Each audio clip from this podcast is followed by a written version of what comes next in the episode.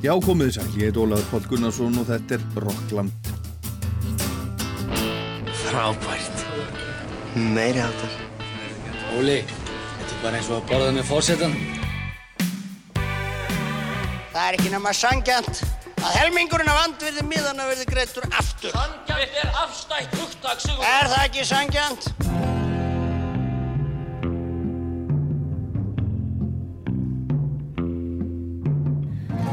Úkraina og tónlist frá Úkrainu er í brennideppli í Rocklandi dagsins. Volodymyr Selenski, fórseti í Úkrainu, var það á förstu daginn, eins og margir vita, fyrsti erlendi þjóðhöfðingin til að ávarpa alþing Íslandinga. Hann saði bara áttu Úkrainu gegn innrás rúsa, snúast um frelsið, þetta land sem við eigum með réttu og um menningu okkar. Íslandingar og Úkrænumenn byggjum við endimörk Európu og við ólík skilirði en hjörtum okkar svipar saman í Kænugarði og í Reykjavík. Það er að sjá og heyra ávarp Selenskís í heild á rú.is en Valur Gunnarsson, riðtöfundur og sakfræðingur er gestur Rocklands í dag. Hann hefur dvalið talsvert í bæði Rúslandi og Ukrænu og einn mest lesna bókin á Íslandi í dag er bókin hans sem heitir Bjarmalönd sem er í senn upplýsandi, stórfróðleg og bráðskjæmtileg svipmynd af þessum heimsluta sem fjallaður um í næstum hverjum einasta fréttatíma um þessa mundir. Út um allt og Valur drakka unga aldri í sér fréttir af stjörnustrýðs áallunum og kjarnorkuvá og kjarnorkuslýsið í Tjernobyl virti staðfesta að allt geti gerst. Svo fjellmúrin Sovjetringin leistust upp og friðvanlegra virtist um hríð. Á landakortinu byrtust Ímis ríki þar sem að risaveldið hafið áður verið Eistland, Lettland og Litáen Úkraina og Kvítarúsland, ný Stanlönd í mið-Asíu og átakasvæði við Kákasusfjall, að óglemdu Rúslandi sjálfu. Undir lóks síðustu aldar var Valur við námi í Rúslandsfræðum í Finnlandi og fór lóks yfir landamærin til Rúslands í fyrsta sinna mörgum og síðan hefur hann búið í Íslandi og Rúslandi og heimsótt flest innan fyrrum Sovjetríkja Og veturinn og vorið 2020 dvaldi Valur svo í Úkrænu á tímum COVID og heimsótti þá meðal annars Kvítarúsland rétt fyrir uppþótt og bókin Bjarmalönd er afrakstur af þessari dvöl og ferðalögum, fræðistörfum og greinaskrifum hans undan farin 20 ár. EBU, European Broadcasting Union, samtök evróskra útvastöðva, sendi á dögunum út lista með 60 lögum og lögin sjálf sem úkrænska þjóðin valdi núna dögunum að tilstöðlan fósettafrúar Úkrænu og Lenu Selenska sendið þetta til út á stöðu út um allan heim í þeirri von að stöðvarnar myndu taka þessa músik upp á sína arma og spila eitthvað af henni og það er það sem við ætlum að gera í Rocklandi í dag við Valur Gunnarsson. Við ætlum að ræða Úkrænu og stöðuna þar og stríðið og allt þetta og, og með áherslu á úgrænska popmusík. Velkomin Valur og fyrst kannski er, veist, er einhver svona áberendi munur á, á þessu, þessum þjóðum, menna á fólkinu í Úgræn og Rúslandi eða er það bara alveg eins? Já, það er alveg munur, það sko auðvitað er margt líkt með skildum en, en það er ákveð munur sem að hérna kannski úkrænumennum myndi lýsa þannig að rúsa vilja alltaf hafa eitthvað svona, svona sterti yfirvald, eitthvað Ívan Grimma Stalin, eitthvað Putin sem að, sem að endur tekur sig í, í rústingu sögu en, en úkrænumenn stilgrunar sig sem kósaka sko, þeir eru frjálsir bændur og, og vilja ekki hafa neitt yfir sér. Og þetta kannski sjáu svolítið í nútíma sögunni að það er alltaf reglulega svona byltingar og mótmæli í Úkrænu mm -hmm. sem eru bara á fresti.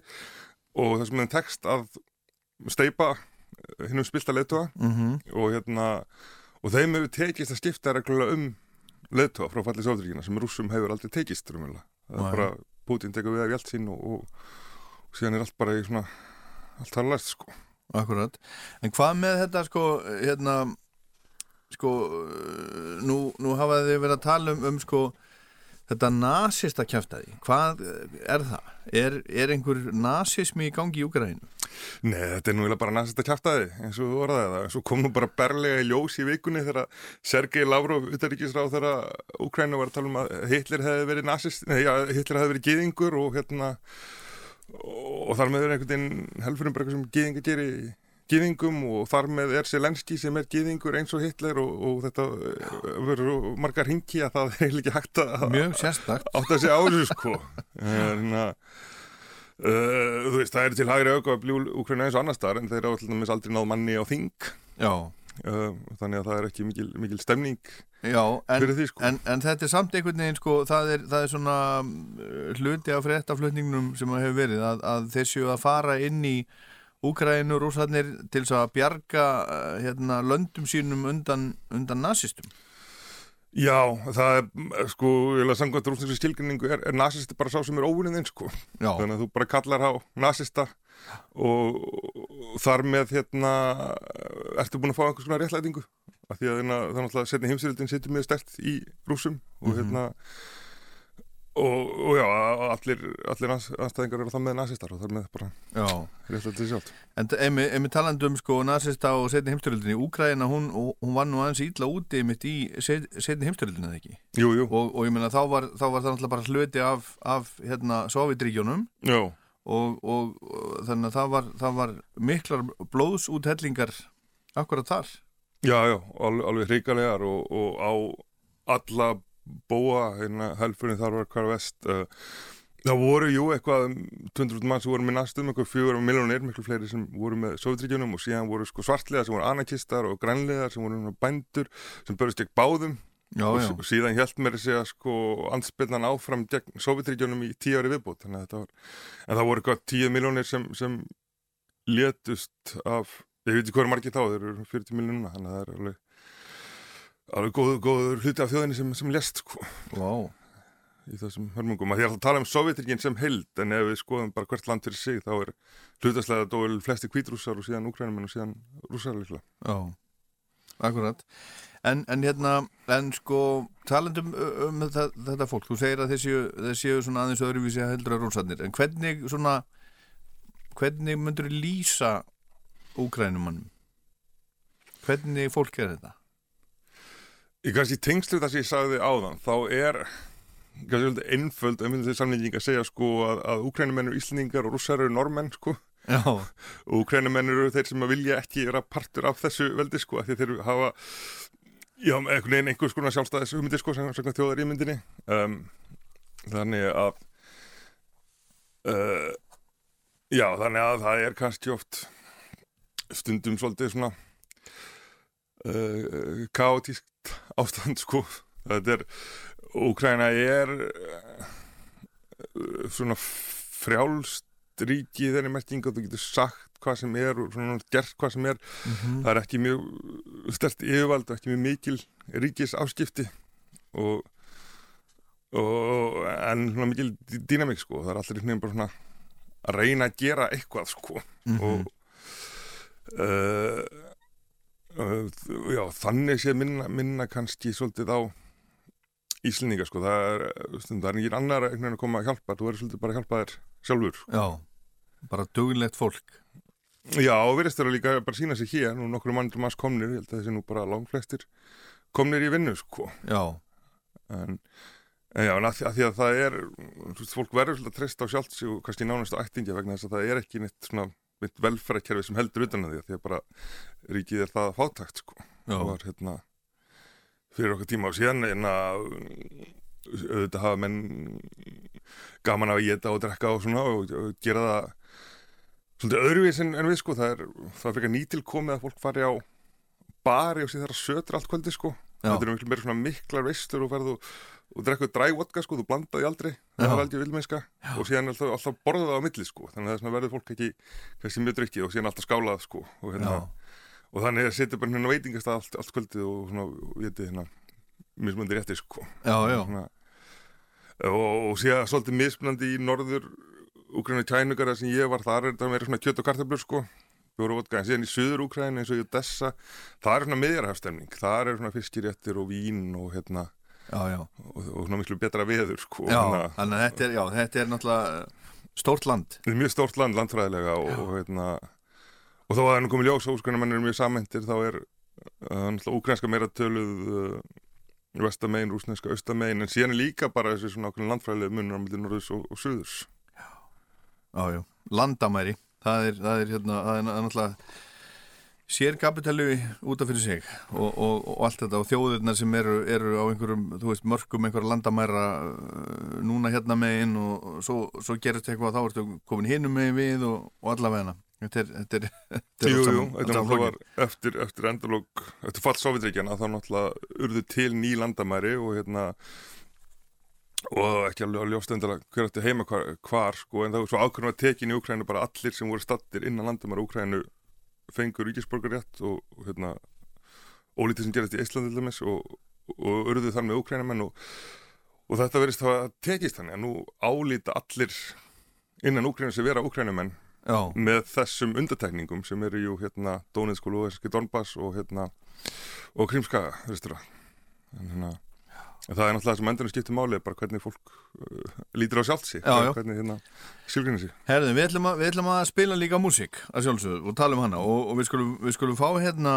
fyrsta lægið Go A er það, það hljómsveitin? Og, og hérna og, og Sjúm Já, og þetta er þetta er uh, er Eurovision lag Jú, þetta var Eurovision-lægið í, í fyrra. Ég hérna átta mikið alveg ákvort að sé rosalega hérna uh, heillandi eða rosalega leðilegt eftirminnilegt sko. Þetta, þetta já. sittur í manni. Ég, uh, já, kannski það sem er helst að segja um þetta er að textin er eftir Taras Shevchenko mm sem að er svona Jónas Hallgrímsson Já. hann er hérna, þetta er sér gamall gamall texti, já, gamall ljóð frá 19. öld sko já, já, já, og úkrænumenn náttúrulega eiga marga merkilega rítvunda eins og Gogol og Bulgakov sem skrifaði meistarna marga rítuna Mm og Kurkov núna en uh, þeir skrifaði allir á rústnesku já. og eru svona þó þessi fættir og uppaldir í Úkræna þá eru þeir líka partur á rúsneskri bókmyndahefð en Taras Shevchenko hann skrifaði bara á úkrænsku og það er svona halda úkrænumenn sjálfur með mikið upp á hann það er Taras Shevchenko gata í Kærnugarði og háskólinn heitir Taras Shevchenko þó þessi svona eftir mikið þekkt fyrir utan Úkræna þá er hann svolítið þeirra, þeirra uppáhald já, já, já. Весняночка, весняночка, де ти зимувала, я садочко на клиночку, сорочечку пряла, там у лісі на юзлісі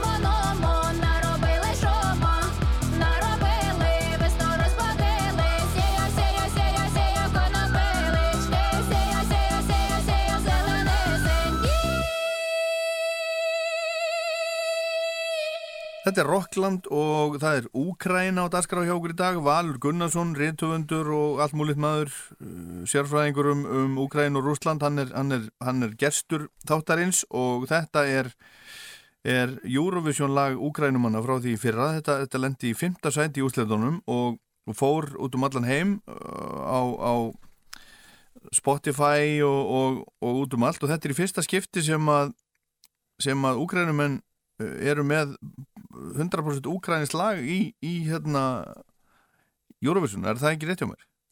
Já, það má vera, þeir allan að eh, ganga alla leið og bara sækja í þjóðskaldið sko, Já.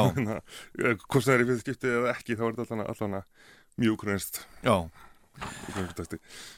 og næsta lag sem við viljum að heyra, það er líka Eurovision lag Susanna Jamalidinova Susanna Jamalidinova eitthvað svona leiðis og, Jú, og hérna, jamala bara. Jamala hérna talandi um um Eurovision, það er, það er alltaf, alltaf talað um það sko að þetta sé ekki pólitísk keppni en er hún ekki akkurat einmitt það, rampólitísk? Er, þetta er, þetta er, þetta er friðar pólitík í Evrópu sem að, sem að startar svo sínum tíma.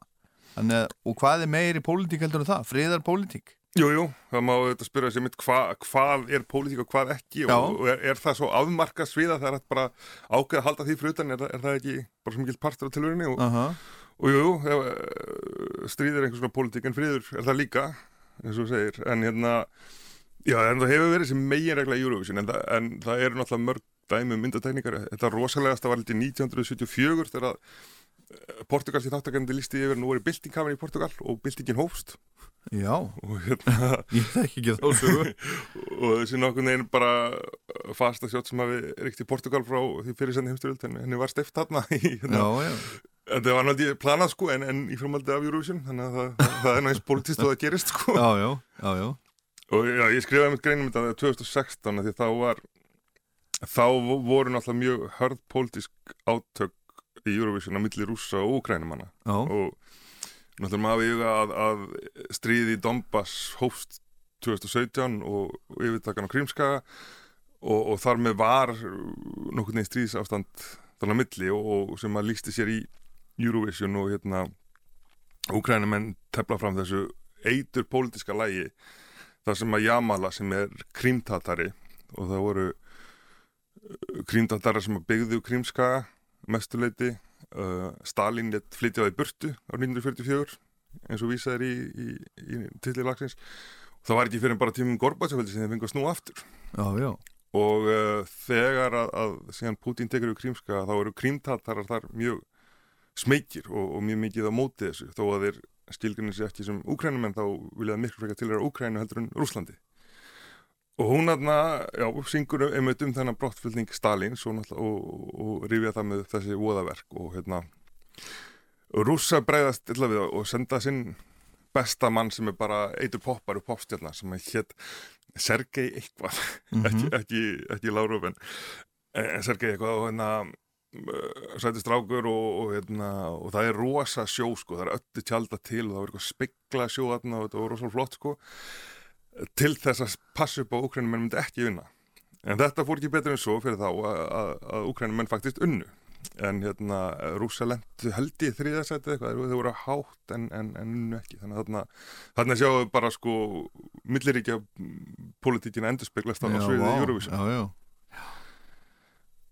Rampolítist Já, þetta, Já. Er, þetta er mjög sláandi lag. Þú, þú, menn heyra það bara á dramatíkin í því að þarna eru Já, miklu hlutir að þetta er lægið já, 1944 sem er sagt þegar að, að, að hérna NKFD og Hermann Stalin spönguð upp á í, í Krím og, hérna dróðu alla fjölsýtur burtu og hérna sendið það til Sýberíu eða Kazakstan sem hefum döldu næstu 50 árin eða svo.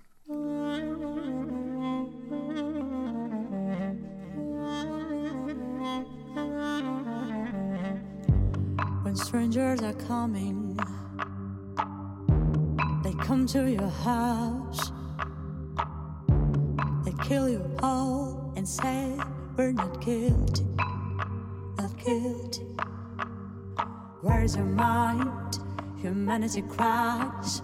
You think you are God, but everyone dies. Don't swallow my soul, our souls.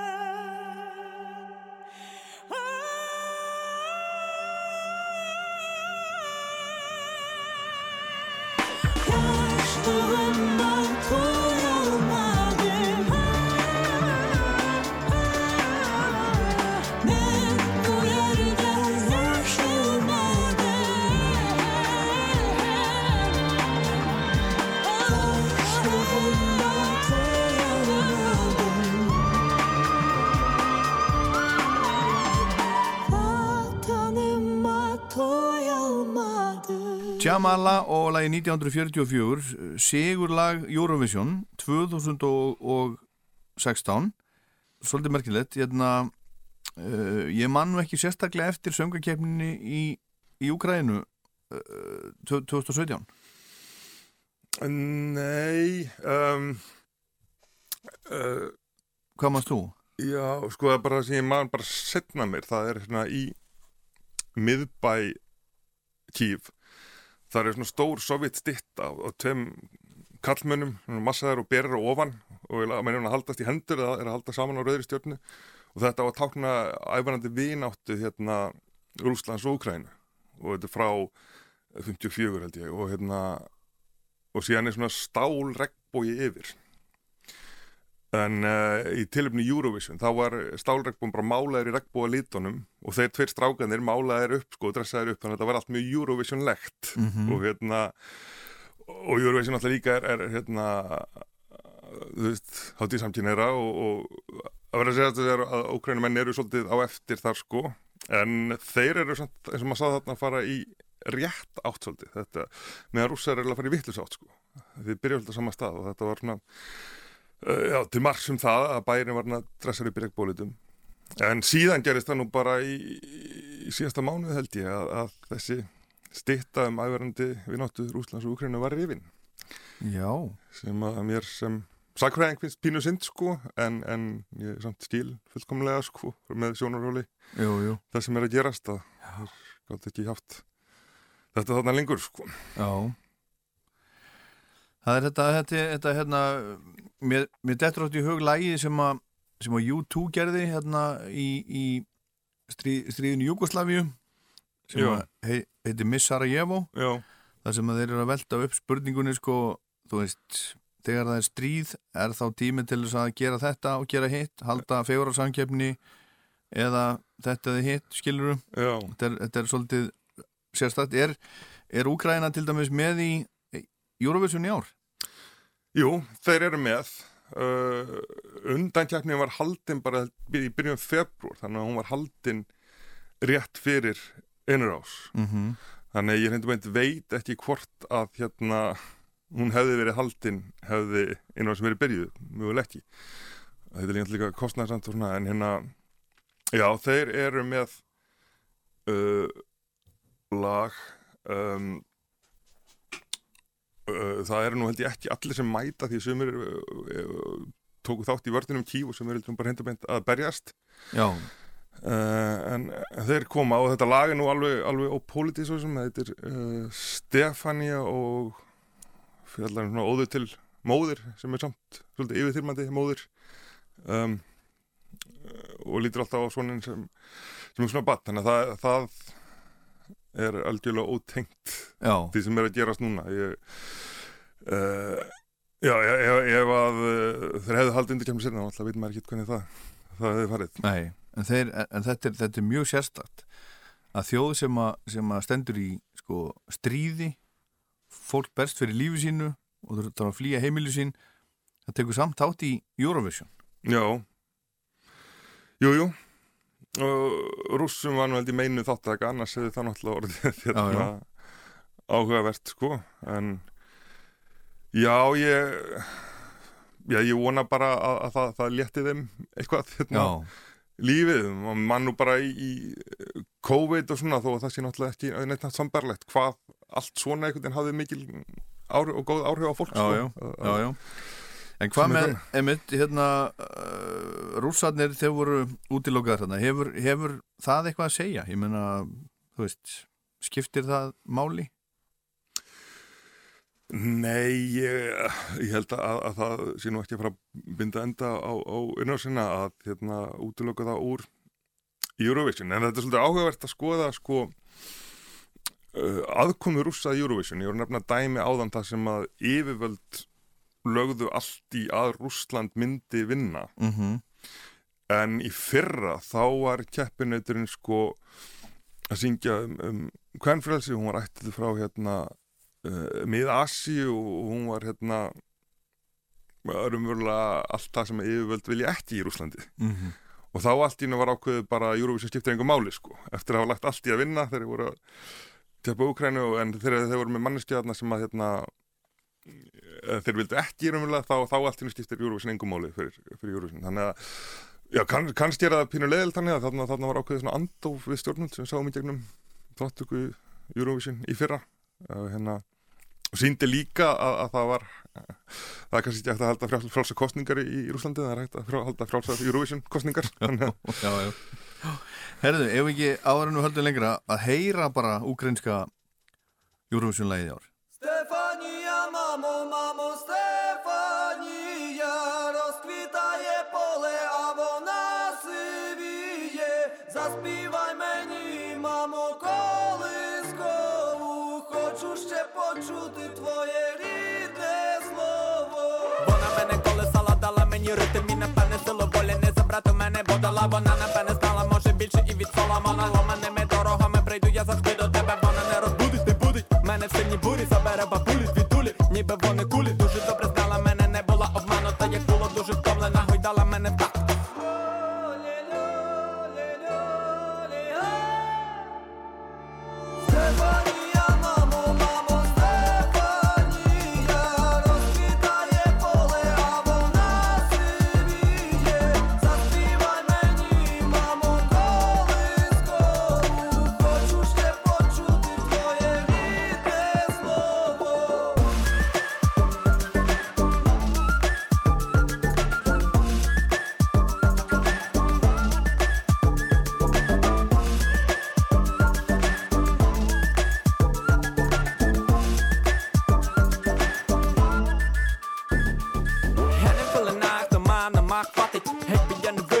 виріс, та виріс, а речі платить Я не мала дитина, вона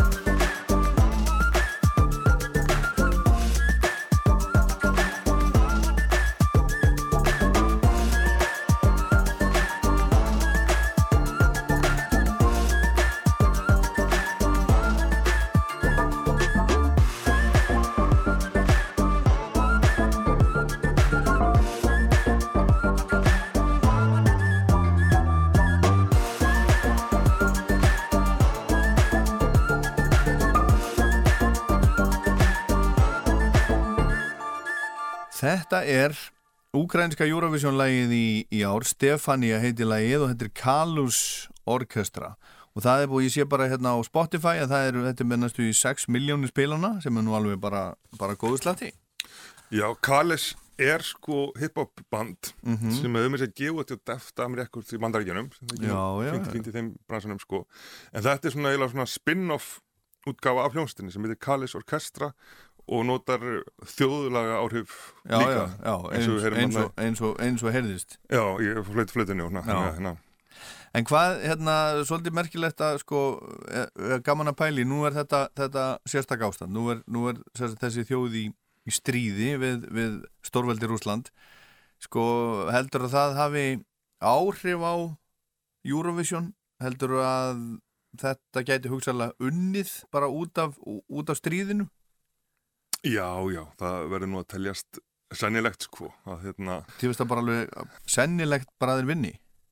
Já, ég, sko, svona hlutir virast hafa áhrif og hérna og samúðar atkvæðin sko frá Austur-Európu, líklega Vestur-Európu líka svo sem hérna eh, er hérna já, ekki ólíklegt að, að menn kjósi svolítið þannig Nei. sko með, með, hvað segja, með hjartanum frekar um eyrunum Akkurat. Herðu, en, en sko þess, þessi tónlist sem við erum, erum að hlusta á hérna í dag, þessi úkrænska tónlist, þetta er, þetta er tónlist sem að útastöðum í Evrópu var sér bóðið í gegnum EBU, þetta er, þetta er stór og mikill lagalisti, 60 lag, lagalisti sem að úkrænska þjóðin valdi í kostningu að frumkvæði fósetta frúar Úkrænu, Ólenu Selenska. Hva, hvað veist um hana? Uh, ekki íkja mikið, hún, hérna, hún er fætt 1978 eins og Selenski og sem er sem sagt gera verkum hann er tveimur um yngri en, en ég og, og maður sér þetta svona eh, 90s og hérna svolítið á svona lista, hérna hún lærði verkfræði sem að er ekki óalgengt í fyrir um Sovjetríkjunum sko að fólk er ekki að fara endilega svo mikið í, í bókmyndafræði, sakfræði þess að villu sem ég er búin að vera í alltaf tíð sko, því að það er bara ósinn að fátækt sko, heldur fólk fyrir að læra eitthvað praktíkt sko, Aha. en hún er greinlega eld klár og, og, og síðan veit ég ekki alveg sko hvort gerðist fyrst, en hún fór að vinna á sjónastöðun á þáttunum Kvartal 95 uh, sem að Selenski var í og var þar að skrifa efni, skrifa handrit og hérna hún kannski þetta er langt frá verkræðinu hann er mert til listalagt. Og þau höfðu faktisk verið saman í skóla áður en höfðu ekki tekst þá en, en einhvern tíma þarna byrjaðu saman. Já. og hún alltaf þannig að hún alltaf hefur verið hans stofast eitt svolítið bæði, bæði sem gamanleikari og sem, sem fórseti Já. Mm Herðu, og þá er bara komið að, að sko í rauninni fjórða Eurovision-læginu svo, svo hérna snúum við okkur nú aðeins frá því það er hún Russlana, Wild Dances og ég sé ennþá eftir því hún kom nefnilega hingað til Íslands í svona kynningatúr áður en hún kefti í, Eurovision á snundíma Já. og mér bauðst að hitta hana Já. og taka hana viðtal. En ég nefndi því ekki. Já. Ha. Það eru, já, menn eru með svolítið minna alls svona sögur svona þess að dana eins og einhvernum bestvitalussi þegar ég alveg segja þetta, það ræna mála en, en, en sko Rúslana er alveg, alveg mögnuð manneskja uh, hún er einhver leiti ættið frá Karpati í föllum þess að sem er vestast síkun og eitthvað sem, sem við heyrum held ég eitthvað smá en hún er auk þess að vera Eurovision stjarná, hún var í kjölfæri stór popstjarna Mhm. mm þá var hún sko mjög áberandi sérstaklega í, í mætanbyltingunni 2013-14 þegar, Janúkovic var steift og þá mætt, var hún bara sólaringum saman meira menna á, á torkinu sko þegar hann sungið þjóðsengin alltaf á klukknum að fresti og þannig að hún er ekki bara popstæðan, þetta er líka byltingaleitögi sko. Já, já, það, það veist ég ekki Og það er sko þegar, þegar Úkrænana vinnu Eurovision 2004 þá er það svolítið áhugavert líka í samhengi við, við söguna því að hérna, þetta sama ár uh, bríst út bylting sem er reynda blóðlus í það skiptið sem er kallið appisnubyltingin þegar Janúkovic var steift í fyrraskiptið eftir að svindlaði kostningunum og, og hérna Yushchenko og það er kostningarna endurtegnar og Yushchenko tekur við sem er kannski munið því að það var eitra fyrir honum þannig að já. afmyndaði svolítið í framann en hann var sko, Janúkovic var rúsasinnar en, en Yushchenko var hérna Európusinnar þannig að þetta ári þá bæði verið svona bylting í áttan til Evrópu og Úkraina er vinnu Eurovision sko, þannig sjáum við Úkraina svona stíga inn í Evrópu nánast úr svona þessu, Mhm. þessu postsovirka svæði og hérna og annað sem gerist í, kjölfarið er að þegar að síðan Eurovision er haldin í Úkrainu þá ákvaðar einhliða að það þurfi ekki lengur vegabæsáriðin til þess að fara til fyr- fyrir Európa sem að hérna Rúsland hefur ekki gert, Hvítarús hefur ekki gert en þá var miklu auðveldara að heimsækja Úkrainu og, Mhm. hérna, og gerði það verkum að, að fleiri og fleiri fóru að fara hangað en, en það var ekki fyrir 2017 sem þetta var á hinvegin að Úkrænumenn gáttu farið og heimsótt hérna Európa, þeir, þeir ákveðu bara fyrst að gera þetta fyrir Eurovision en sér ákveðu bara að þetta er praktist að fá inn þó þetta sé ekki alveg sangjant sko. Þetta Aha. er ekki alveg sama fyrir alla en það er bara gott að fá inn, fá inn túrista. Akkurat. Hlustum á ruslinu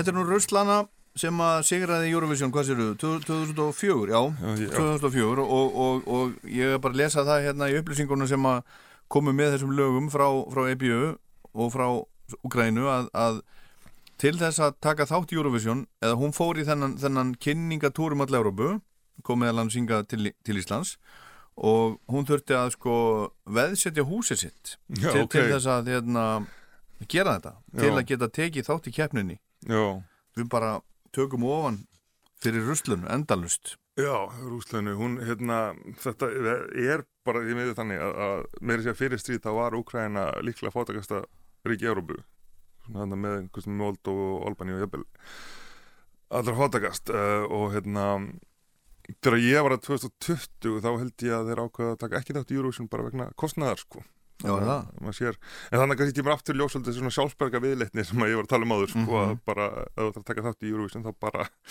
gera það sem þú ætlar að gera því Já, það er já. enginn að koma og hjálpa þér sko. leggur allt, allt í söluna bara Já. en hérna ef við förum aðeins, aðeins í þetta, þetta stríð eða þessa hernaðar aðgerð eins og, og rússarnir segja hvað vakir fyrir Pútín hvað, út af hvað gengur þetta í raun og veru Ég held að það er umvel engin vitað, ég er ekki sem að sjálfur vitið það sko. Af Því að ég held að upprunalega markmiðið hafi verið bara að taka yfir Úkræn og nokkrum dögum eins og hann tók yfir Krímskaga fyrir átt árum síðan. Og verðist að búist við því að það myndi bara Úkrænum myndi gera lítið á móti og það myndi takast. En fyrst það er, tókst ekki þá kannski er hann með önnur markmið að taka yfir Donbass uh, sem kannski gerlegt jafnvelin á alla leiðina til Odessa og, og skera Úkræna af frá sjó og, hérna sem er líklega ekki gerlegt ég, ég veit ekki, en ég held sko við getum ekki beittin um skynnsemis rökum sko, þetta er ekki hérna eh, það snýst ekki um, um efnahag, ég meina það er miklu skynsamlega að selja þjóður um gas sem eiga nógan pening og Mhm. hérna heldur en að láta Európa loka á sig og til þess að standi ekki um herna í Úkræna ég held bara að vera nánast svona pff, bara líta í, kollin á Putin og svona bara diska sko, hann, ætla, hann er að vera sjötugur í ár, hann hérna lítur ekki lengur vel út bera ofan sko. Nei. og hann var líklega, líklega veikur. Og, og þegar hann var yngri að það var að vera miðaldra þá horfði hann á svona Sovjetirkin falla. Og mér grunar þetta sé bara að hann vilji efla Rúsland, stækka Rúsland Já. og svona skilja eftir sig einhver svona glæsta arleð sem hérna maðurinn sem endurhemdi Ukrænu þetta er bara, þetta er svona ego, egoflip Já, eiginlega bara það sem að, já, svona klassíkt mikilmennsku brjálaði, sko, Já. því að þetta er ekki, ekki hérna, nokkurna taðkomt til Rúsland og síðan var þetta undara leikrit, hérna, kvöldi 21. februar þegar allir, allans hyrð var látin koma þarna og, og samþykja þetta Já. og ég held að örglega ekki er mikil stemning, sko, fyrir þessu, að því að náttúrulega mennir í kringum hann vilja miklu frekar geta farið í sumafrí og rivieruna og sendt börnin sinni í skóla til Breitlands og eitthvað svona heldur en að standi ykkur svona, sko. En- en- En ég meina, en sko heldur að það vaki fyrir honum að, að innlima Úgrænu í, í Rússland eða hann bara að skipta um stjórn eða, þú veist Já, líklega hefur upprunalega ætlunin verið að, að, að skipta um stjórn og gera hérna Úkrænu að einhvers konar leppríki eða Mhm. hérna hvernig sem það, það var ein, eins, eins og það var einn smá tíma stundur Janukovic en, en það tókst ekki þannig að það er spurning ég kannski kemur ímestlega ljós bara 9. mæ uh, þegar að það er sigurstagurinn þá er fagnað hérna uh, sigri Sovjetríkjani í, í narsismannum í setni heimstyrjöld og þetta er stærsti dagur ásinn sko. þetta er bara þannig þryggjata frí og, allir grilla og það er stór hersinging líka á Rauðatorkinu og það er hérna og þetta er mest að hátíð dagsins og, og þá eru kannski getur annað að tönnu gerst. Annars getur hann hérna, líst í yfir hann hafi náð markmiðin sínum.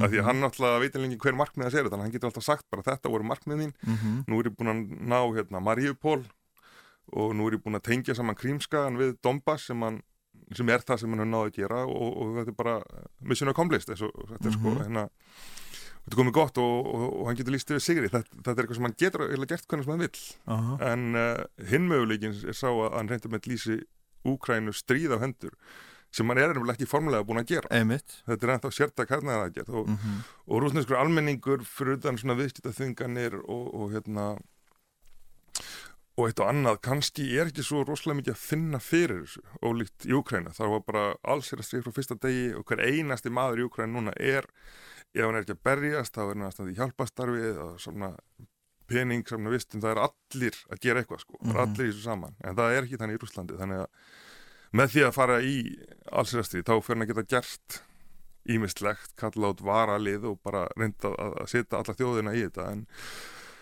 uh, já, hvort uh, hvort, að það muni rúnlega ganga, hvort þá fyrir kannski að verða fyrir að vera svolítið valdari þegar, þegar fólk er umlega að finna fyrir þessu en, en það má líka alveg vera að það sé einhvers konar stemning fyrir stríðinu sem að hafi bara myndast. Mhm.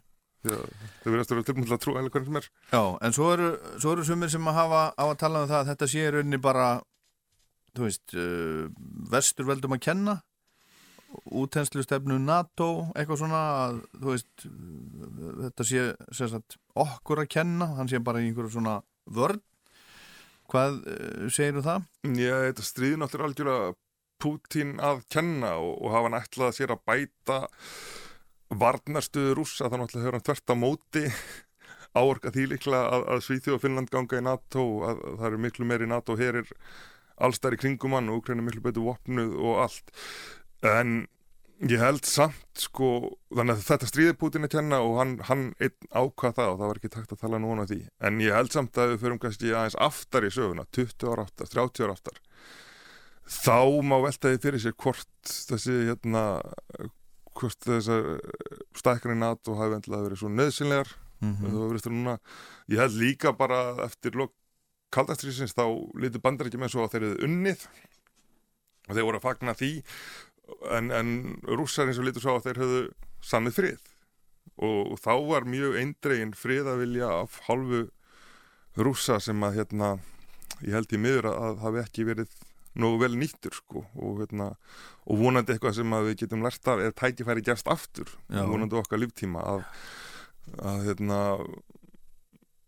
þú veist að því að Rússland það, það er ekki að fara neitt, það er ekki að hægt að vera til. Nei, nei. það heldur áfram að vera þarna og reyða stórt og einhvern veginn þarf að fá það bara að vera partur af samfélagi þjóðana og partur af Evrópu sem Já, er- Svo, uh, svo er þetta sko, ég er hérna aðeins eldri en þú og hafði mikið áhuga einmitt á, á setni heimstyröldinni þegar ég var uh, strákur og svona og svo er, þú veist, uh, fellur múrin og það er kaldastriðið og allt þetta og, og hérna, svo einhvern veginn sem þetta er múrin fallin og þá heldur maður, ok, þetta er bara búið nú er Já. þetta bara, nú erum bara allir hérna saman í liði Já. og, og, og það, það, það er svo einkennlegt að upplifa það núna að, allt í einu að, að sko að Evrópa sé einhvern veginn í stríði eða þú veist það er einhvern svona spennu stríðs ástand á milli Evrópu og Rústlands og þetta er eitthvað svo, þetta er eitthvað svo galið. Af hverju þarf, þarf þetta að vera svona? Þetta er, þetta er þú veist, ég, mér finnst þetta algjörlega sturlað ástand. Mér finnst þetta algjörlega galið.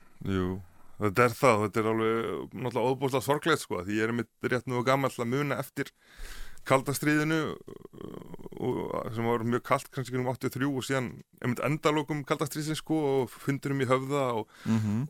og þetta var þessi svona bara einhvern veginn hugmynd sem lág í loftinu að allt yrði betra. Já. Núna væri friður á milli stórveldana, milli austurs og vestur meira sér á svipum tíma þá tókst að binda enda á átökinu á Norður Írlandi og með Mhm. tíma í aðbeli í Palestínu Bosníustriðin alltaf var hryllingur en það var svona einhvern undartekning sko Mhm. apartheid í söður Afríku leiðindi lók og þetta var bara hennin mann tók inn að þessum gefnum hluta þetta Já. var svona ströymur í allins betra sko. Akkurat, þetta er bara búið Já, og, og þá og jafnvel eins og tala um endalók sögunar en núna alltaf þvert á móti þá hérna þá verist allt stefna í vittlösa átt sko.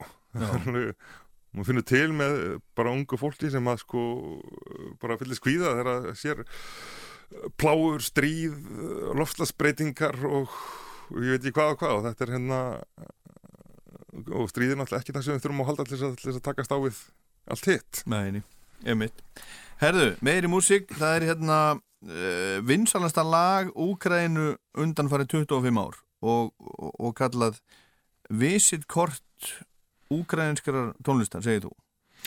Já, ég hef bara heyrt þessu fleikt sko, maður svona hva, uh, uh, hvað sem maður lesi í þetta, ég veit ekki. Hva, hvað myndi vera visit kort uh, íslenskar rocktónlistar, það var ekki bara Ísbjörnablús eða eitthvað Já, já, þetta er svona já, Ísbjarnablús úgrænumanna Já, kannski. Já, Já, já. eitthvað svo leiðis Já, það sem að er uh, áhugavert núna er hérna, að söngvarinn sem er ætlum nú gamall að berjast, hann, hann gerði myndbanda sem að síndi hérna, húsið sitt sem er búið að sprengja í tallir, það leifar húsins og hérna Söngvarinn? Já.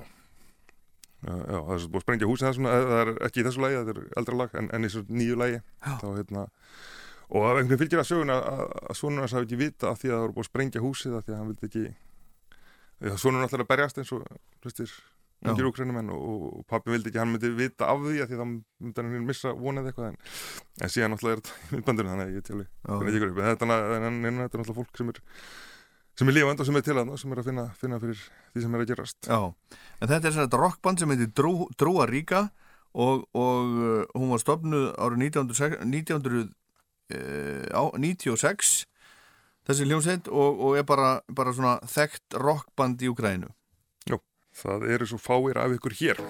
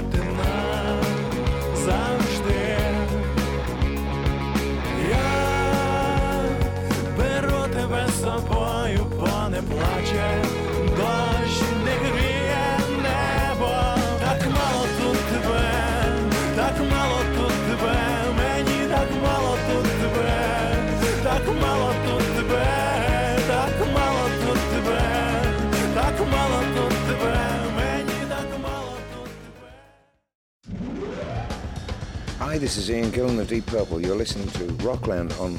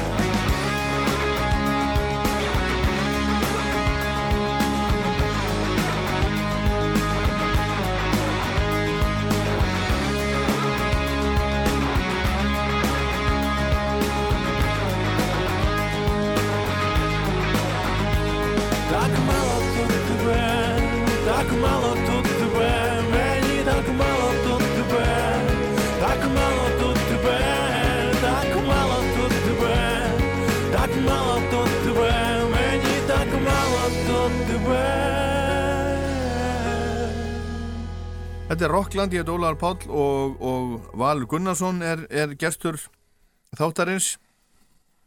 Uh, reytöfundur og, og sagfræðingur og, og ég að setja einhverja fleiri titlaði Valur?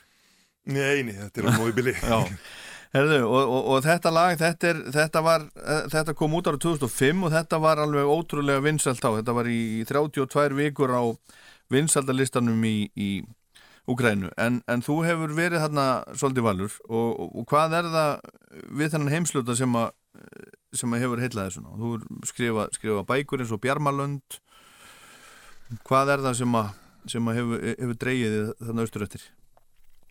Það er ímislegt, það er einhver leiti eins og við talum áðan bara að vera svona síðasti kynslu á kaldarstíðspanna ég er svona alveg með síðasti sem mann eftir bæði þegar það var kalt og síðan líka þegar það því lauk.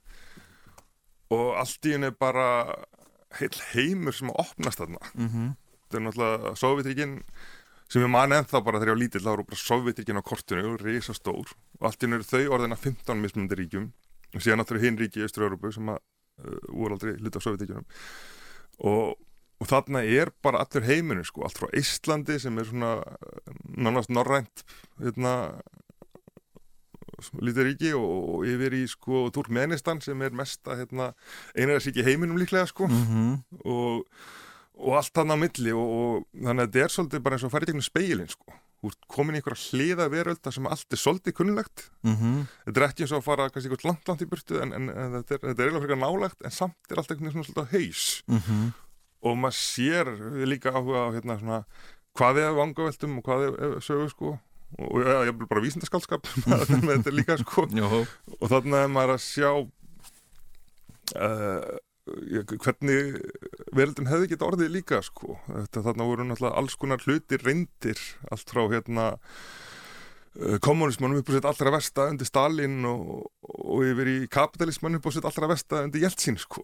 Þegar bara bókstala alltaf til sölu sko. Er svona, að- þarna eru já, er alltaf allir öfgar sko sínleir og, hérna, og, og allar hugmyndastefnur einhvern veginn teknar út í, út í algjör öfgar og reyndar svona í þaula þannig að þú kemst ekki lengra sko. Herðu, meiri músík hérna móturhjóla rock áttundi liturinn. Já. Hvað getur þú sagt okkur um þetta? Já, alltaf mótjólarokk náttúrulega er, er, er oftast af henni góða en, en það er merkilegt þetta með áttunda litin þannig er einhver, þannig er einhver sögupersona búin, búin að finna áttunda litin en sko þeir úkrænum en úrsa þeir hafa fleiri liti heldur en við. Já. Við höfum sex liti. Við sem eru, eru hvað? Gulur, rauður, græn og blár. Já. Ekki svartur og hvítur því það er, eiginlega, það er ekki lítil heldur Aha, skortina sko. og síðan uh, fjólblár og brún. Og þetta er svona líta spektrumið sko. Bara bleikur einhver mástæðan fyrir ekki að vera með þó en hérna rúsarögnum menna þetta líka en nefna þeir skipta bláum í tvent Já. þannig að þeir hafa ljósbláan og dökkbláan og bara mismunandi orð sem held ég Sindi og Gulabói yfir, yfir yfir þetta. Og maður og, og þannig að já, þannig að lítirnir eru sjö. Og maður bara svelti fyrir sig hvað áhrif þetta hefur á hvernig fólk sér heiminn. Ef það eru hérna nöfn yfir mismundi liti sem að við skilgjum sem eitt sko Já, það það, þetta er merkilegt. Að munurinn á ljósblám og dökkbláum er eiginlega mikill á milli, ég veit það ekki, bleiks og fjólblás eða eitthvað, Já, sko, eða ljósgræn og græn, já, og bleikur og fjólblár. Já. já. En hérna, þú veist Gulur, appisnugulur Já, einmitt. Þannig að hérna En þetta er enda frumlitunum, sko Þannig að, þú veist, ég veit ekki, kannski þarna er, er heiminin í einum lit og hafið í öðrum, sko. Þetta er ekki Aha. bara allt blátt. Já, en áttundi liturinn? Já, það, það er eh, vantilega romantíkin í þessu sko, þannig er eitthvað sem að til þessu eh, uppgöta áttunda litin sem að hérna ættir um að litja meikasens fyrir já. okkur en meikasens í, í þessu samingi já, það er að, aðeins meira heldur en sjö. Já, ákveði herðu, og þetta er uh, Motorola er það sem það hljóm, hljómsveitin? Já. Hlustum.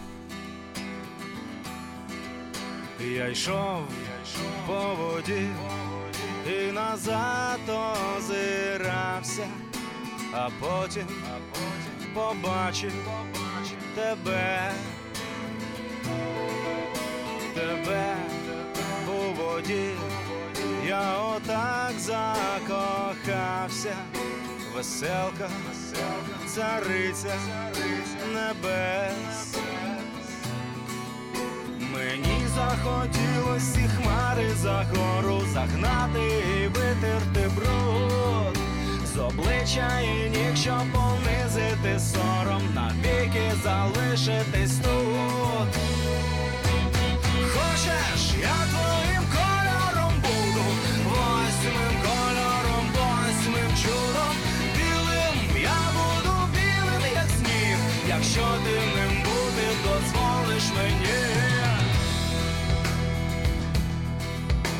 Дозволиш, я знаю, натягнуться струни, порвуться, і я полечу.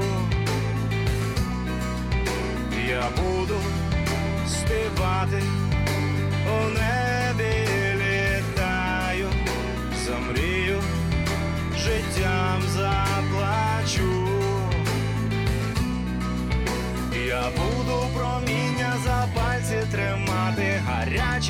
жовті вогні, і в губи безодню небе цілувати, ніхто не завадить мені.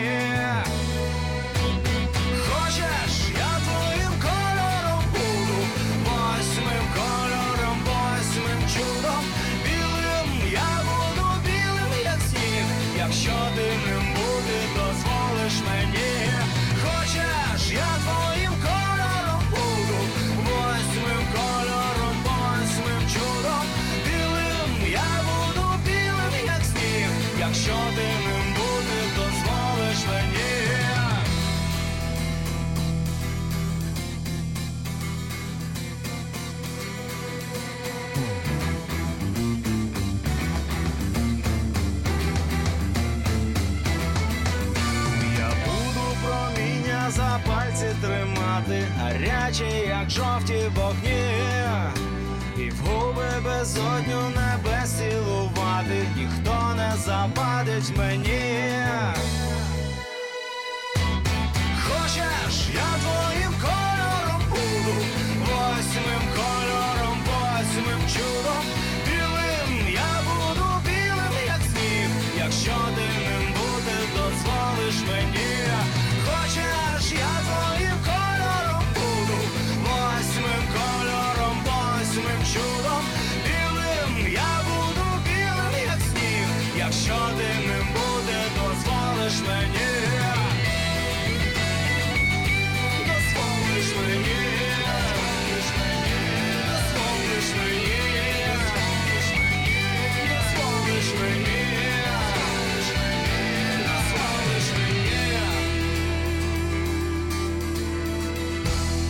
Þetta er hljómsveit sem var stopna árið 1994 í Kel... Kvel... Hvernig segir maður það? Kvel... Kel- Kvel... Kelmitski. Já. Já, það er hérna í vesturútkvæðinu rétt, rétt utan við uh, Lvífi og þar umgrein. Þetta er alltaf stýrt í höfuð á Bátan Kelmetski Já. sem var kósakafóringi Aha. og er annars vegar mikil þjóður þjóðetjan svona eh, stofnandi í Úkrænum að segja sko að því að rak pólverja burtu en síðan samin að hann gerðan bandarlega við rússa sem var upp, að saminningu Rússlands og Úkrænu sem er kannski ekki alltaf, alltaf vinsalt. Þetta var árið 1654 og á 300 ára ammalinu til að minnast þessa sem að þá voru Sovjetrikinn þá ákveður rússar að gefa Úkrænumönnum hérna, krímskaga sem að hafði kannski ekki átt að skipta miklu máli þetta er svona eins og kannski þegar, þegar ríkið gaf Reykjavík og borg við þeir. 1986 en náttúrulega að því þá var þetta bara eina sama ríkis en þetta var náttúrulega átt að heldur betur að draga dilko eftir sér. Já, heldur betur.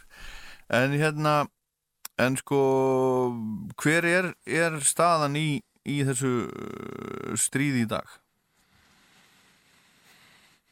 Já, það er eiginlega ekki ljóst að annar hvort aðilinn geti hvorki tapað nýja unnið. Og það er hérna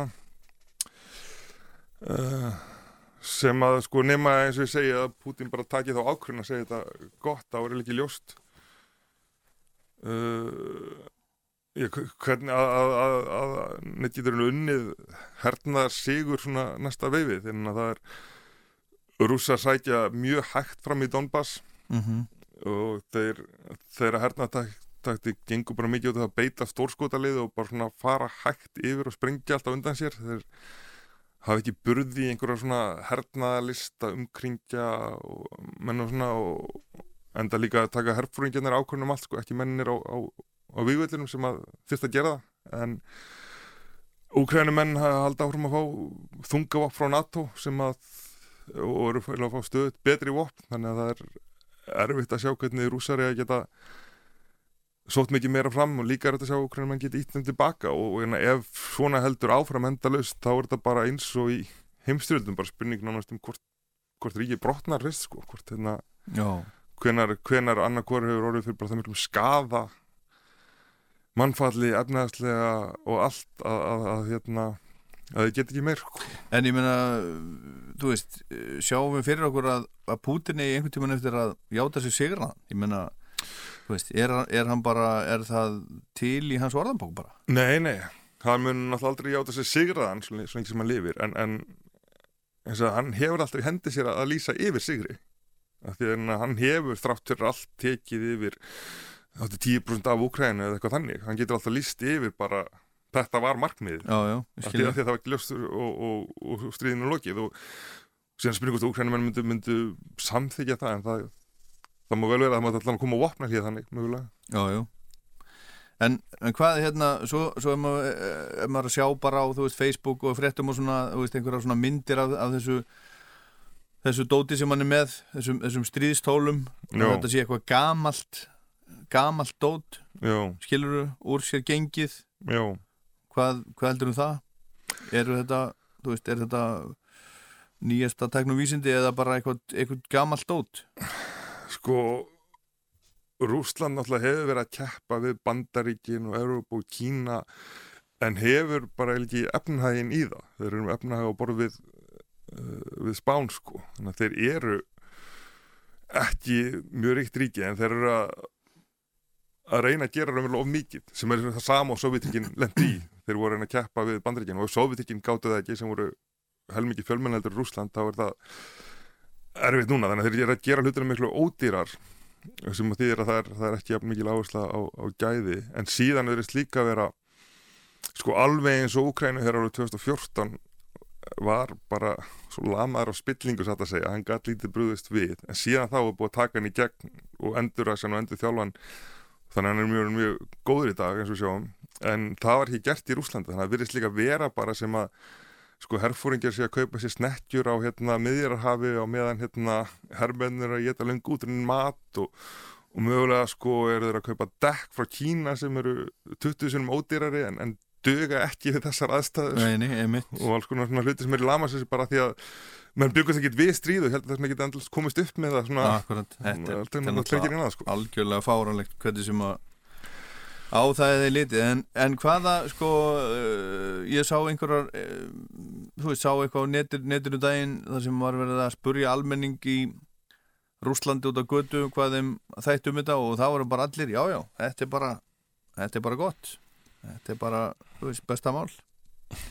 Já. hvað, hvað heldur að svona, hvað, hvernig heldur að, að þjóðarsálinn í Rúslandi sé gagvart þessu Ég heldur sér að klófin eins og hún er mjög oft en það er eiginlega stór undarlegt hvað rússafur eftir eðubúinu til þess að, að sambyggja þetta uh, auðvitað ekki allir það eru mörg hundru þúsund mann sem hafa flúið sem er hingað, margir til Georgíu eða til nágrannaríkja en, en ef þú ert á móti stríðinu þá er náttúrulega best að hafa sér hægan eða annars er hætti að, lenda í Já. hundjási þannig að anduðin alltaf heyrist ekki mikið. En það eru bara undarlega margir sem að og, og líklega meirlutin sem eru reyðbúinu til þess að samþykja þetta. Og síðan líka gerist þetta í sko þrepum. Ef að Putin hefði sagt sko 24. februar nú ætlum við að ráðast inn í Úkrænu og, hérna, og leggja hana undir okkur. Þá hefði Mhm. það verið þór betið en að því að það er, þetta er sértæk hernaðar að gerð Já, það er ekki stríð og við erum að frelsa einhver undan nazistum og, og, ykkur undan nazistum, einmitt. Já, sem er einhver ímynd það þið er að núna rúmum tvei mánuð setna þá er kannski þjóðin á henni reyðubúin í að taka næsta skref heldur en ef hún hefði orðið ef allt Já, verið gert í einu sko. Og svo var það þessi, þessi skrýpaleikur sem var hérna rétt fyrir innrásina, þá, þá var bara neini, þetta, erum, við erum, þetta er bara æfing. Já. Og svo bara allt í einu, hérna reyðustur inn úr, úr hérna fjórum áttum eða ekki. Jú, ráðlega Já, jú, jú það, og það er réttlegt með því að sko að því að það, það var gefin einhver dagur þarna, dagsning sem að bandaríkjum voru búin að gefa út og þá voru sem að síðan stóðst ekki og þá var bara fagna sem stæði í Rúslandi þannig að stríðslösi dagurinn en síðan viku setna þá var gerð innrás en Mhm. uh, þetta er réttlægt með því að þegar Putin lígur þá er hann vel ekki að ljúa vegna þess að þetta er í þjóðarhag sko og þá er allt í lagi en, en ég held samt að þetta hafi gert ímestlegt að samstilla gerðir hérna vestuveldana því að það náttúrulega þarna var ljóst að hann var búin að ljúa að öllum sko Mhm. hérna, Macron var búin að fara þarna fram og aftur og Blinken og Lauro og alltaf var hittast og svona en það var bara var greinilega ekkert marktakandi ánum sko Nei. hann var greinilega búin að ákveða sig Herðu, næsta lag, það er, það er hérna, segir þú, vinsalasta livebandið í Ukraínu. Okean Elsie Bess Boyu. Já uh, Ég hef kannski ekki mikið meir um það að segja heldur en bara þetta að þeir hérna uh, eru uh, eru mjög, vel representeraðar á þessum lista hérna Mhm. þetta eru eitthvað, fjögur lög eða eitthvað, ég held gott er ef ekki metið Mhm. og já Já, eru- fjögur lög af þessum 60 Já, lista? eitthvað þannig. Og hérna, já, ég held hérna 70 manna tónleika sem er með starra í olimpski stadium í miðborg Kíf það sem er nú einn sem maður fór ofta en aðal lestastöðin er, er þar sko mm en uh, lægið sem sagt heitir ég gefst ekki upp án baróttu og það hérna á nú heldur betur við þessa dagana, kannski, kannski Putin þetta að hlusta hérna, betur á þetta hann fór að, uh, að taka sína ákvæmlega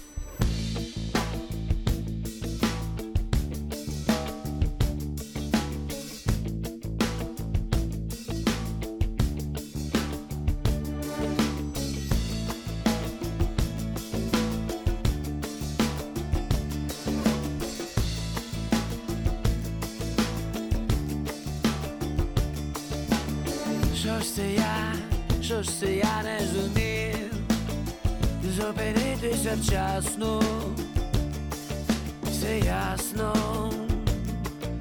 Зі мною тепер і назавжди. Пізно не йти, не йти від мене. Рап рап пароди бандай.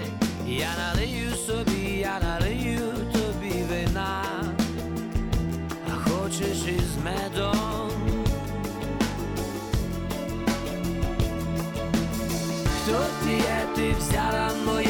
Yeah.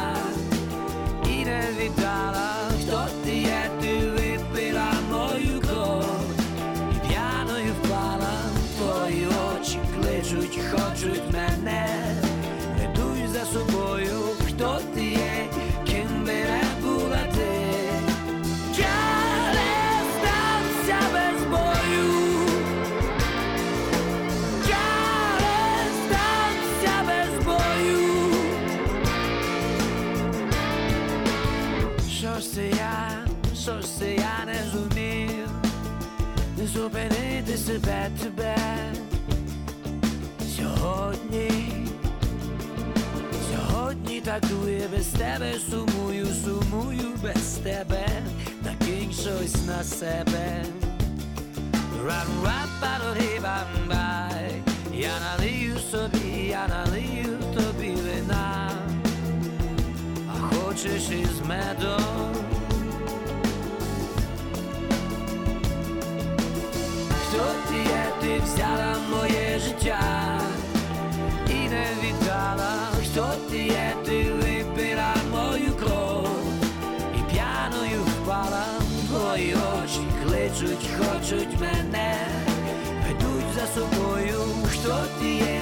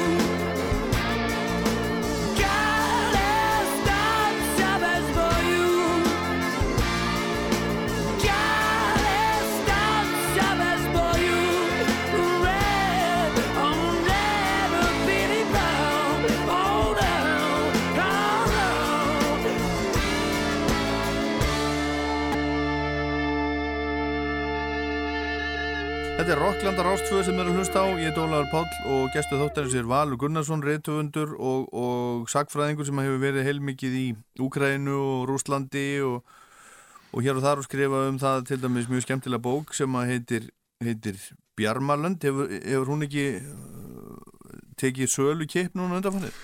Jú, jú, hún gerði það, ekki, ekki af hérna, ástæðin sem maður hefði óskað sér en, en, en jú, jú, hún fór aftur upp í fyrsta sæti hérna uh, fræðslu bóka listans og hérna, og, jú, það er náttúrulega margir að lesa hana núna og hérna enda þó að sé komið þetta út fyrir stríð þá fjallar hún meðal annars um, um samskipti Úkræn og Rússlands og um þetta stríð sem hóst 2014 Já. og mæta um byltinguna og, og hérna allan aðdraðandan af því sem að er að gerast núna Já, já, akkurat. En það er eitt sem að, sem að hérna, sem maður hugsaður um þetta, sem að, eða hugsaður um, ég reynir nú bara reyndar að íta því svolítið, svolítið frá mér. Það kom hérna, það kom hérna hótun frá, frá varnamálaráðurum um daginn, ekki satt, það sem maður sagði sko, eitthvað svona, ef þið, ef þið eru með eitthvað derring, þá munum við, munum við gera eitthvað sem við höfum aldrei gert áður eða eitthvað svona. Já, Eh, sko hvað heldur það? Ég meina heldur er þú veist, er einhver möguleiki að menn fara að nota kjarnorkursprengjur?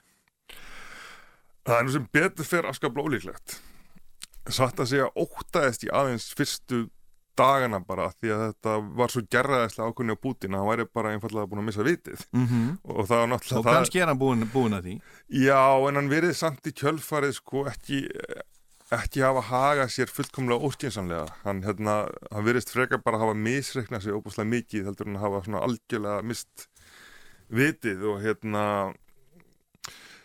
uh, þetta er auðvitað hótun sem að rússar hljóta að benda við og við á að því að þeir eiga þrátt fyrir allt fleiri kjarnungsprengjur heldur en nokkur annar öllítið fleiri heldur en bandaríkjumenn þannig að þarna eru þeir á pari meðan í ljós hefur komið að, að hernaðarlega eiga þeir nú líklega ekki mikið í NATO ef um tekst ekki eins og ráða við Ukrænu þannig að þetta er svona þín endanlega hótun og, og virkar að því leiti að menn svona hafa sér kannski svolítið hæga í, en, en En auðvitað myndi það náttúrulega vera algjör tortiming Rúslands og enda á meira ef það myndi einhvern tímann Já, já, þökk upp á að nota þetta, þetta er náttúrulega bara svo, svo, svo ríkalega galið. En, en sko en uh, sko eru þeir, eru þeir í dag, eru þeir að beita sér á fullum krafti í runni, ég menna er þetta allur, allur slagkrafturinn sem, sem þeir hafa?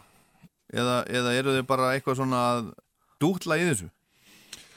Í þetta er þeir slag, slagkræftur sem að tiltækur var. En ef að þeir formlega lýsa yfir stríði þá geta þeir, sko í stjórnarskroni þá má ekki senda herskildumenn utan landamæra Rúslands hvað sem þeir alltaf haldið eða ekki. En ef að þeir fara raunverulega og kalla alla í herin Mhm. kalla allt út, þá náttúrulega eru þeir eh, talsvert fjölmennar, eru fjóru fjölmennar heldur en Úkræna sko. Og hérna og, og ef þeir um tekst að móbilisa alla þjóðina þannig að hver einasti rússi fer í því að, að, að vinna í þá stríðsrækstusins eins og í setni heimstyröld og eins og Úkrænum er að gera núna þannig að það náttúrulega er eitthvað sem hefur ekki verið gert en það er Já. spurning náttúrulega uh, hvað sem ekki stemningi því innan þjóðarinnar? Því að það náttúrulega er munur á því þegar það er að ráðast á þig að þú ert svo sem að ráðast á einhvern Jú, sko. jú, Það- akkurat. Já, já. Herðu, meiri músík, næsta band eh, sem við ætlum að heyri eh, hefur þú séð? Já. Á sviði, um jólin. Já. Ég kom einmitt um jólinn til Úkræn og þetta var sko jólinn er stundu kallið hugin úkrænska ramadan þetta, þetta er endalust hérna, Sumir, sérstaklega í vesturlutunum, eru katholikar, eru mótmælendur langt flestur eru orðókstrúar þannig að þetta svolítið byrja bara að fagna 24. og 25. desember Mhm. og síðan koma áramótin og þau eru eiginlega stærst sko. það Já, var já. í Sovjetríkinum að því að það er náttúrulega að vera, að vera trúleysir kommunistar og það er gefa menn hérna jólagjafir og það er fadir Frost sem er svona ígildi jólusvinsins og, og snjóstelpan er að koma með hérna gjafirnar og, og Snjóstelpan já, það, Mhm. hún, er, hún er reyndar sko hún er frænkans eða eitthvað stilgænt Mhm. sko sem, hérna, og um, og síðan koma orthodoxjólin sem eru sjötti og sjöndi janúar og síðan koma orthodox áramótin sem eru 14. janúar Já, já, já. Sem er kannski lítið haldið upp á en, en, en orðhóðsjólunni er þarna og, og, og þannig að mann fannst jólulögin vera alveg endalaust sko í verslumistunum eins og og þessi ekki nóg hér Já, en hvernig eru, eru jólalögin í Úgrænu? Þau eru nú bara óttalega svipuð og eru líka bara oft til sömu sko. Já, já. Þetta er náttúrulega svolítið Það er bara snæfinu snjúkall og, Já og vindur vondiland Já, og er svolítið innflutað því náttúrulega sko allan tíma sem á Sovjetikinn lifðu þá náttúrulega voru menn ekki að semja jólalög mm því að Mhm. það hefði ekki þótt rétt sko og, og þess að neðan ég að sveiti sem voru þá voru kannski sem jólalög heldur sko þannig að þetta var aldrei svona yðnaður í kringum það að búa til jólalög eins og, eins og við þekkjum hér sko þannig að þau eru innflutt en hérna en annars 7. janúar var ég stættur í kænugarði og þá var Svo núna?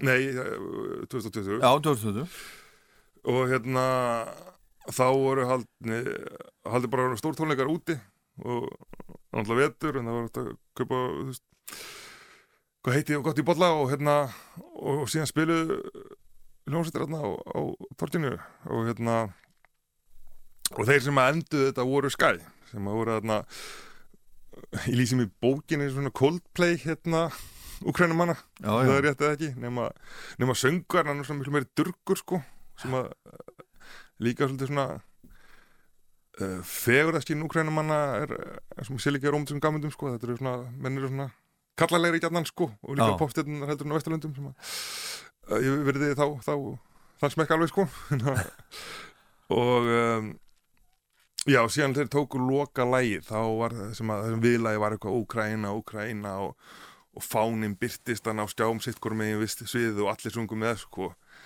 þá, og í mörgum álíka dæmum, þá fann ég fyrir því að þessi þjóð er ekkert að fara að gefast auðveldlega upp og, og hérna, það var alltaf mitt álit sko, ég reyndar bjóst ekki við því að Putin myndi ganga svo langt en, en, en, en það var alltaf mín skoðan að ef að, að rúsa myndir ástegin, þá myndi það verða óbúslega erfitt. Þetta var bara stemningin sko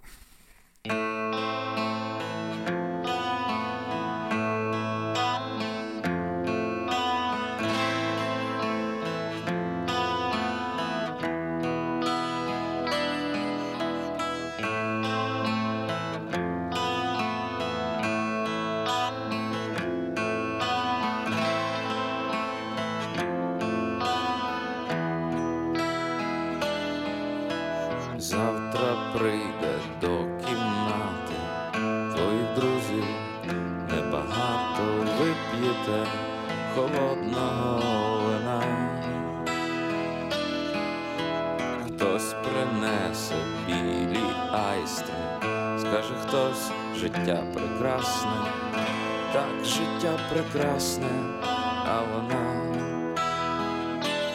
а вона, а вона сидітиме сумна, буде пити, не п'яніти від дешевого вина. Я співатиму для неї, аж брнітиме кришталь, та хіба зуміє голос подолати цю печаль?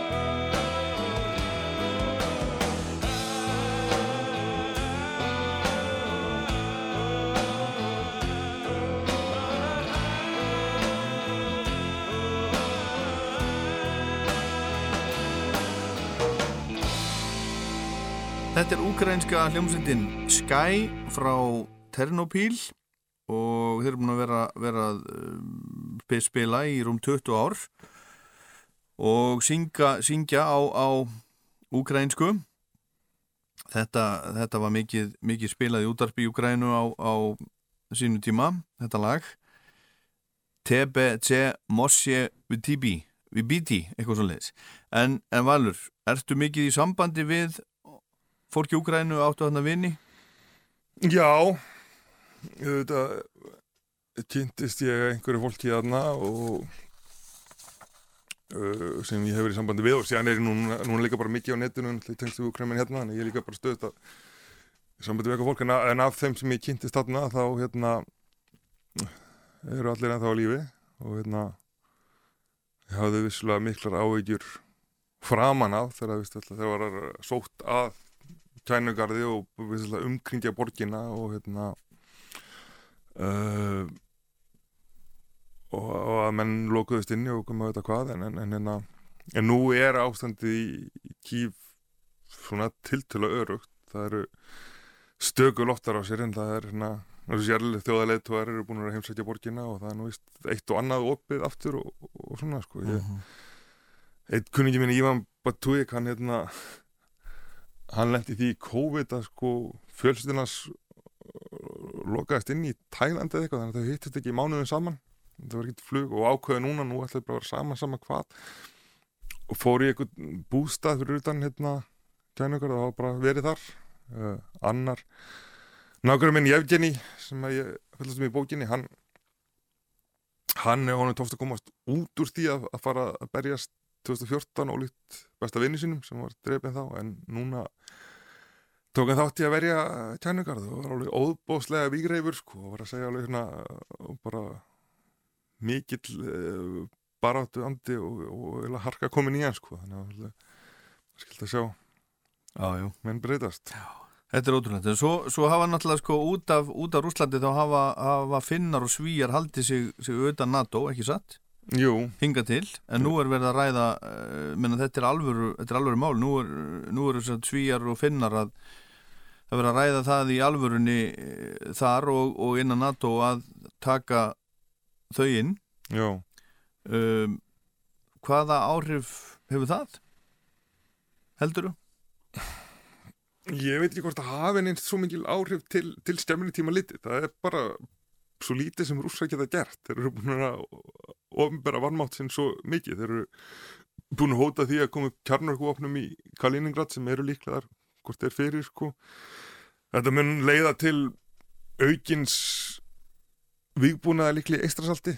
Rússar mun vera þarna með kjarnarkuvopum og þeir mun vera, vera þeir nú þegar fattin að fljúa eitthvað inn í sænska og danska loftrými en ég er ekki við sem að það breytir neitt miklu nefnum bara staðar rúsaverðurinn en þá erfiðari þeir eru með landa með Rúslands og, og, og Finnlands eru mjög löng og, og þá verða þau að vera vel varin. Þau eru þegar ágætlega varin. Þetta er fyrsta skiptið þegar ég fór til Rúslands uh, 1999 þá frá Helsingi og það var alltaf magnað að fara yfir svona alvöru landamæri Mhm. maður sem að lestin stoppar fyrst Finnlandsmegin við og það eru passar teknur að tjekka á einhverju og síðan heldur maður áfram og það eru jarsprengjusvæðan í kring og varturnar og gattaðir og allt og síðan maður komin yfir og, og þar komaði rússar að taka við og skoða afturpassana og hérna og maður sést að skórin verður svona reytulegri sko og hérna skóðugum fólki mitt finnst gaman að fara yfir þess að fara í svona alvöru viltan skóa því að Finnlandi er allt svo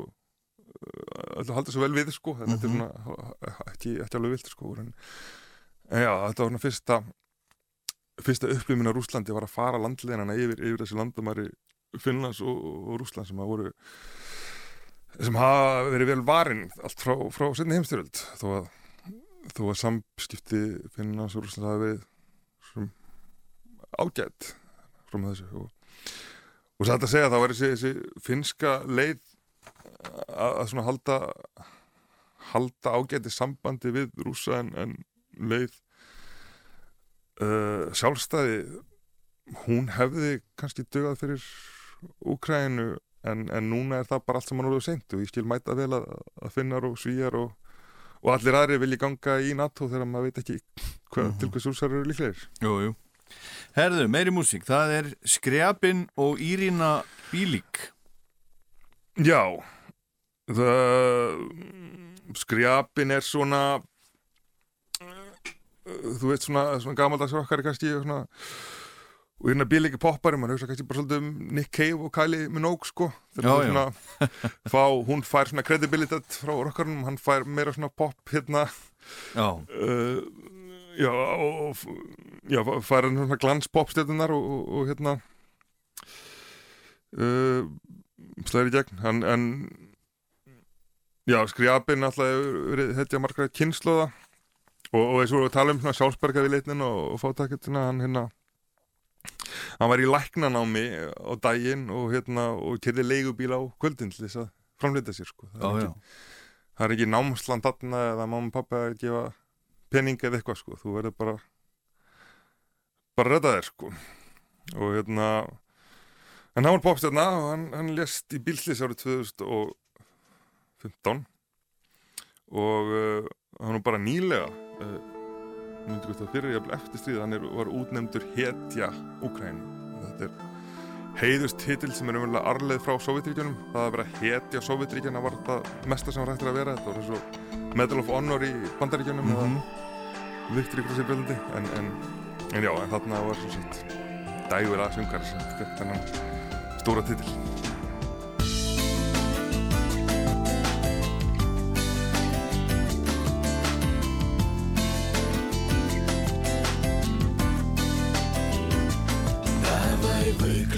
світло і будемо мовчати про то, що не можна словами сказати, не можна писати, неможливо зіграти, а тільки мовчати, тихенько мовчати.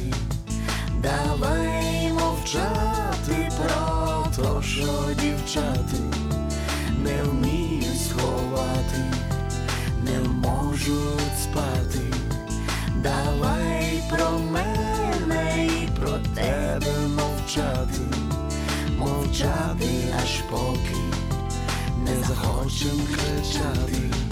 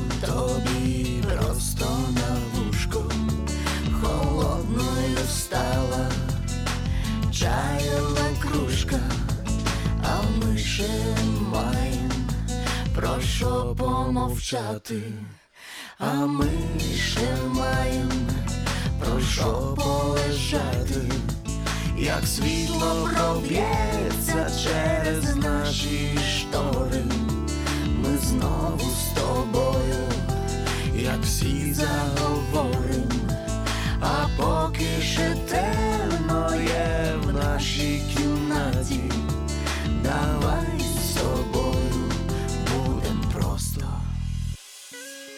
Úkraina er í brennidepli hérna í, í Rokkland í dag og, og Valur Gunnarsson, reyðtöfundur og sagfræðingur er búin að vera, vera gestur minn og, og okkar þetta er búin að vera mjög áhugavert Valur, þakkaði Já. fyrir að gefa þið tíma til þess að, að sitja hérna með okkur og, og hlusta og kynna þessa úkrainsku tónlist og tala um, um þetta mikilvæga málu þetta hérna uh, við, við erum búin að tala um það já, við vorum nú báður því að þessum tíma væri nú kannski lokið í, í okkar heimsluta einhvern veginn en, en, en það er bara ekki. Þetta er, þetta er, þetta er starrend vonandi verður þessu loki sem, sem allra allra fyrst og við, við vonum bara það allra besta Já. en ég ætla að þig um að, um að velja hérna bara í lokin loka lag af þessu, þessum lista Já, í, í framhaldi af, af því sem þú varst að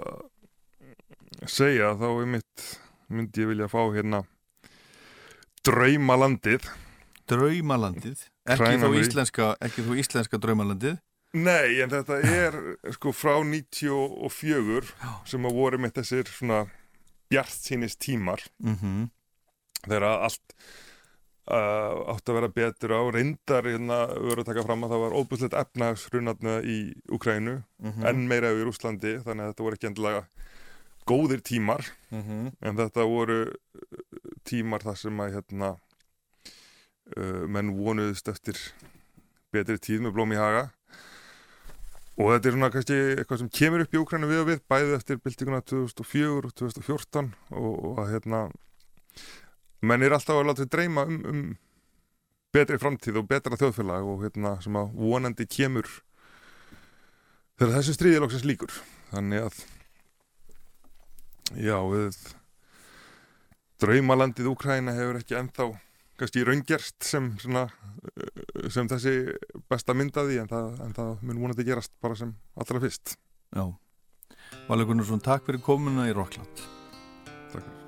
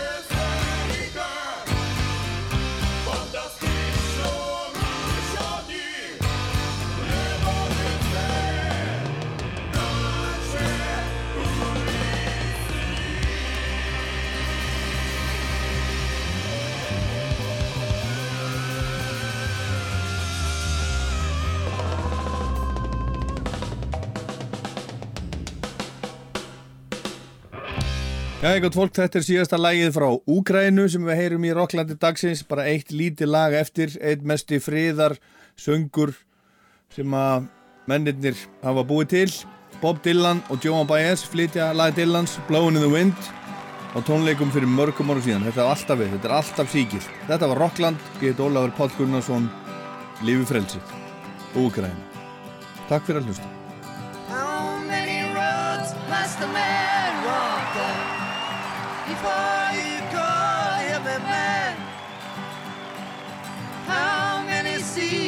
Must the white dove sail before oh, she sleeps in the sand? How many times must the cannonballs fly before they're forever banned? The answer, my friend, is blowing in the wind. The answer is blowing in the wind. How many can a mountain exist before it is washed to the sea? How many years can some people exist before they're allowed to be free? How many times can a man turn his head and pretend that he just doesn't see? The answer, my friend, blowing in the wind.